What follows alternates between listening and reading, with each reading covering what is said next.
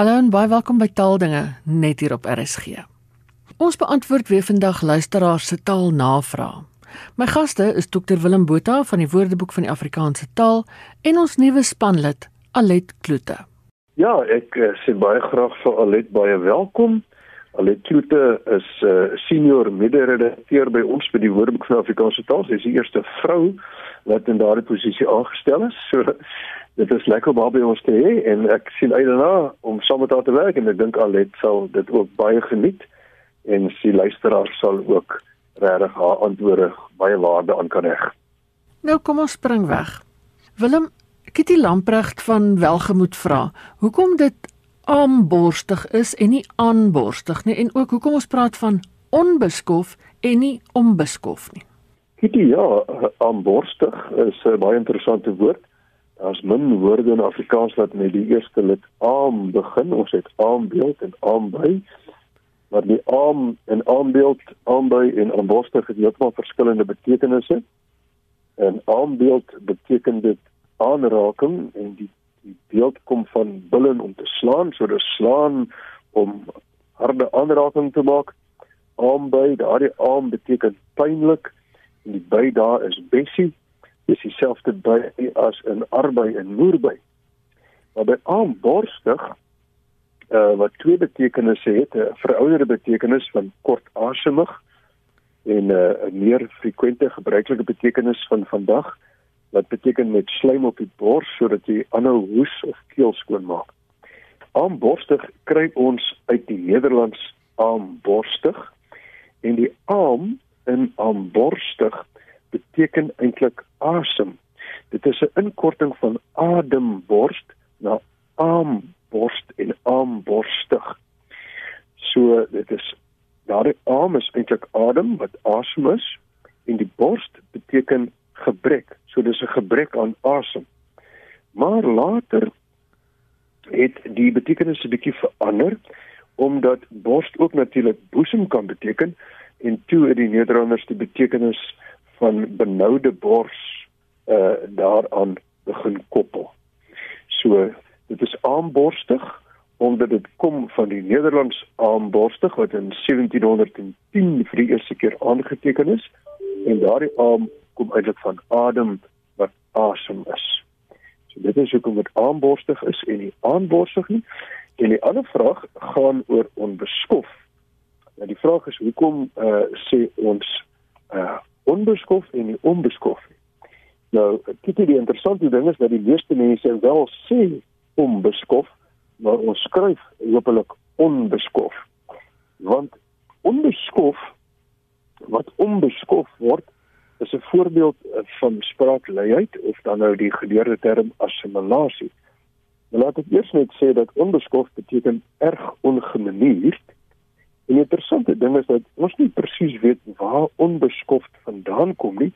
Hy is wel in 1588 vir die eerste keer opgeteken in Nederlands. Maar as jy nou sê onbeskof, dan veronderstel dit daar is ook 'n beskof. Maar nêrens kry ons iewers 'n voorbeeld van die gebruik van die woord beskof alleen nie. Jy kry net altyd as onbeskof.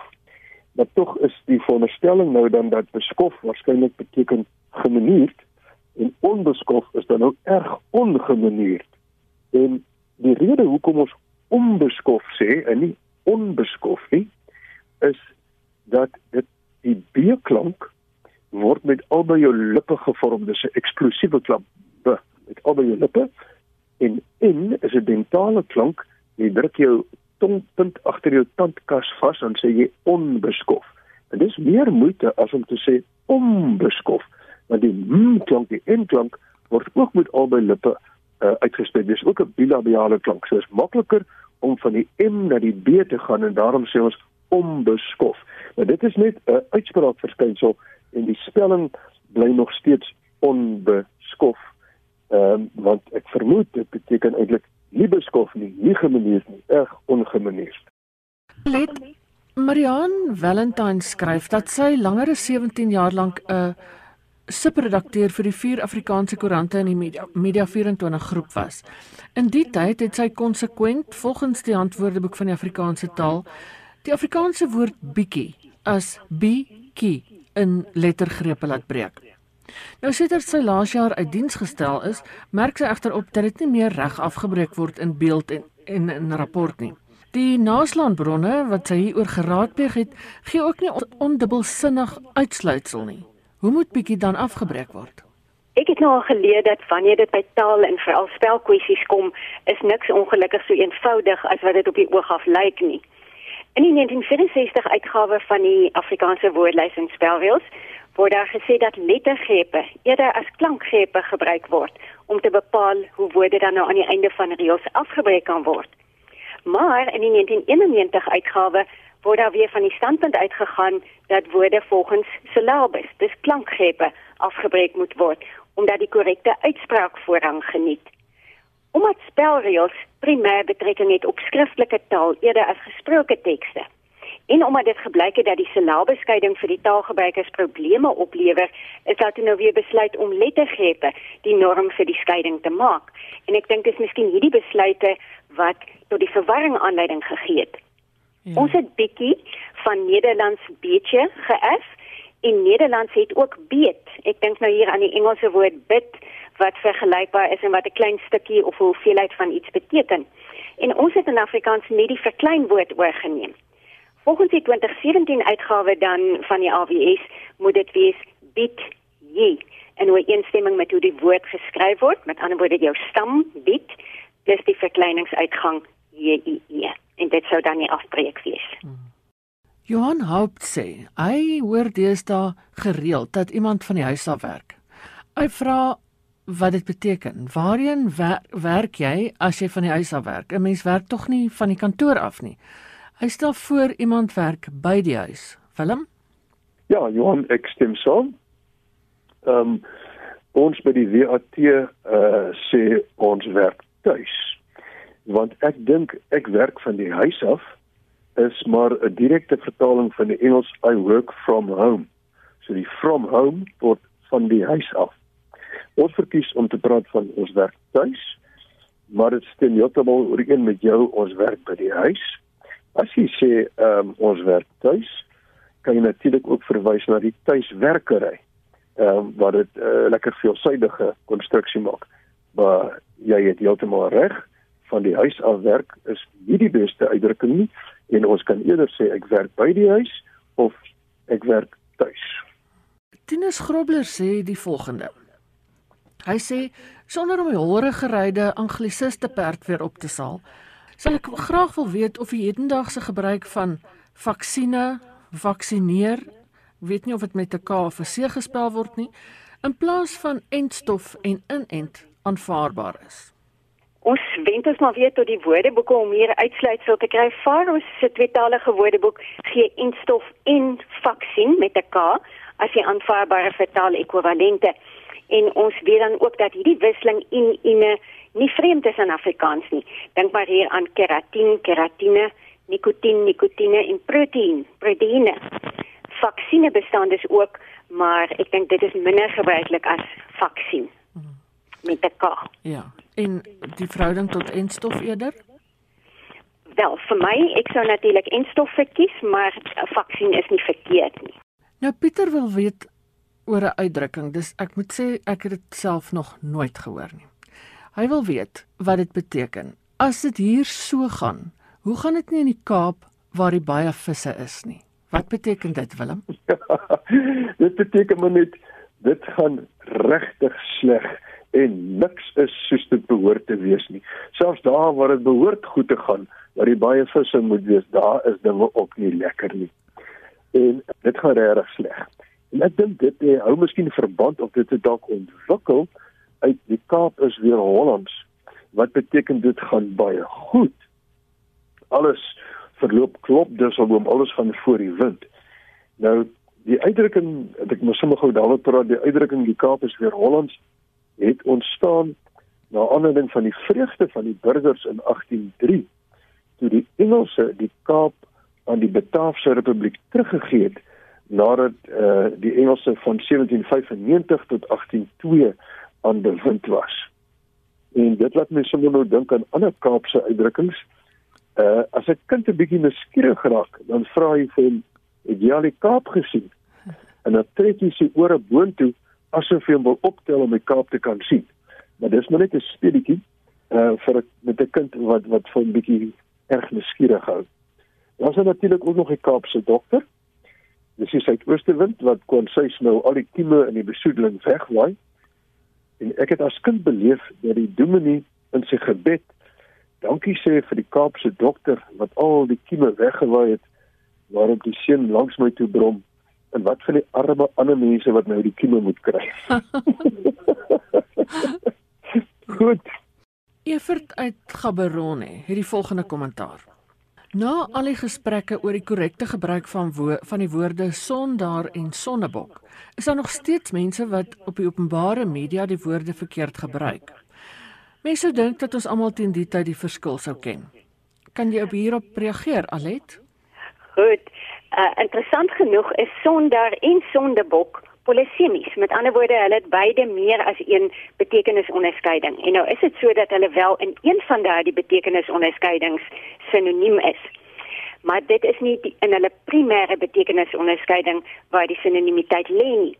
Sondag het twee betekeniswaardes en as mens nou kyk na die primêre waarde, iemand wat sondig is of wat geneig is om sonde te doen, soos wat ons dit nou in 'n Bybelse konteks ken, dan verskil dit van die primêre betekenisonderskeiding van sondebok wat is iemand of iets wat die skuld vir 'n probleem of 'n fout kry, maar wat nie noodwendig daaraan aandadig was nie. En wat hierdie primêre betekeniswaardes betref, is die sinonieme nie ons hulle nie sinoniem nie en dis ook nie in kontekste uitruilbaar nie.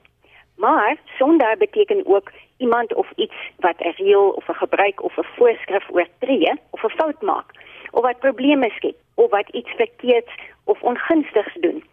Ek kan hier voorbeelde gee, die grootste sonder onder die parasitiese onkruidsoorte is die geelblom of ek het die foute in die opstel onderstreep, maar die sonder moet self die verbeteringe aanbring. En hier is sonnebok dan wel 'n ongewone sinoniem wat sonder in daardie kontekste kan vervang. Willem Marita van Welgemoot sê beeld plaas gereeld artikels wat oorspronklik in The Conversation gepubliseer is. Dit word dan met die volgende sin erken. Hierdie artikel het eerste op The Conversation verskyn. Nou vra sy, moet dit nie in The Conversation wees nie? Klink miskien 'n bietjie eienaardig, maar ons moet onthou dat The Conversation is nie 'n gewone publikasie nie. Wat ek 'n bietjie verder gaan nou. Ons sê gewoonlik jy verskyn op 'n aanklag, ek sit op die stoep op 'n bepaalde datum met iets gebeur op 'n jong ouderdom, op 'n bepaalde bladsy op die ere rol en ons sê dan ook iets verskyn in die koerant, iemand verskyn in die hof, dit word gevind in 'n bron, ehm um, dit gaan in Oktober gebeur, in die lente gaan dit dit gebeur.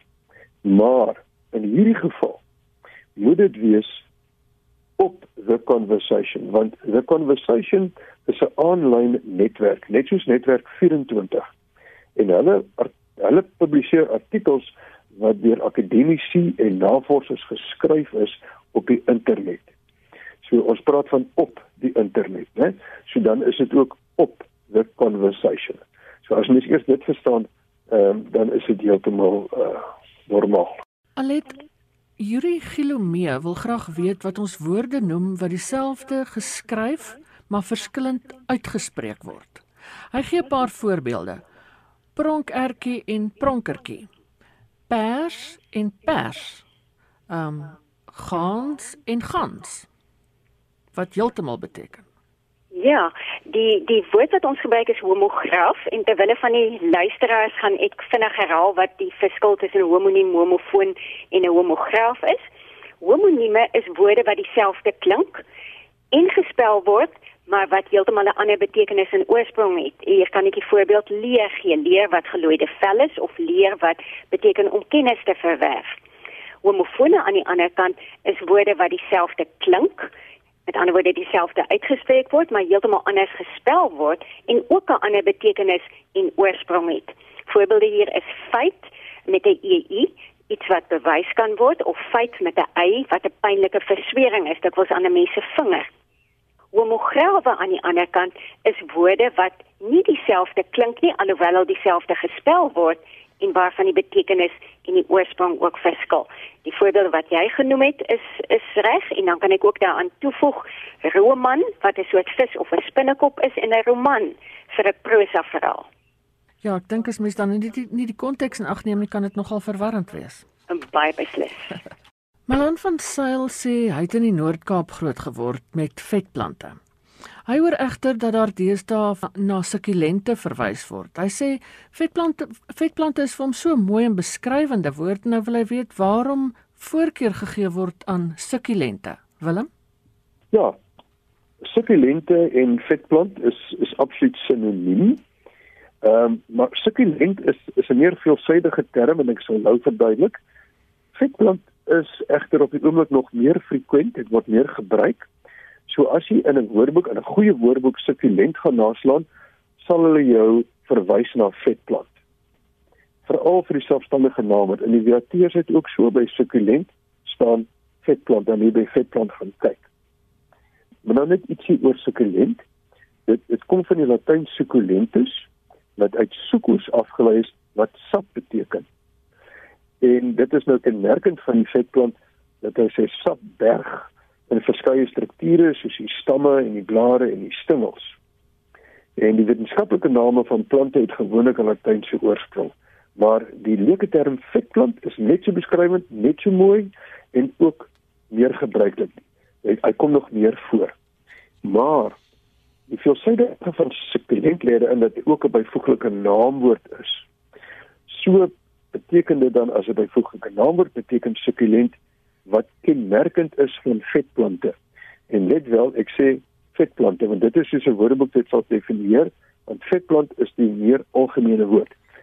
Maar as iets sukkulent is, dan het hy die eienskappe uit die kenmerke van vetplante. So ons praat van sukkulente stengels, sukkulente plantegroei, sukkulente blare. Dan is dit met die kenmerke van 'n vetplant. Jy kry ook 'n uitdrukking met sukkulent, die sukkulente Karoo. En dit is 'n ekostreek wat al langs die kuslyn van die Noord-Kaap tot in Suidwes Namibië strek. En in die suide deur die fynbos biome en in die ooste deur die Namakaroo begrens word. So sukkulent is nou maar net 'n bietjie meer veelsidig taal as byvoeglike naamwoord. Maar as 'n selfstandige naamwoord is vetplant nog die gebruiklikste, maar hy dan nou die sinoniem sukkulent. Dis dan alwaar ons vandag tyd het. Daar's 'n paar vrae wat oor staan tot 'n volgende keer. My gaste was Dr Willem Botha en ons nuwe spanlid Alet Kloete, albei van die Woordeboek van die Afrikaanse taal. Laat hoor gerus van jou. My e-posadres is ina@rsg.co.za. Geniet die res van die dag in RSG se geselskap. Bly veilig, bly gesond en van my Ina Strydom groete tot 'n volgende keer.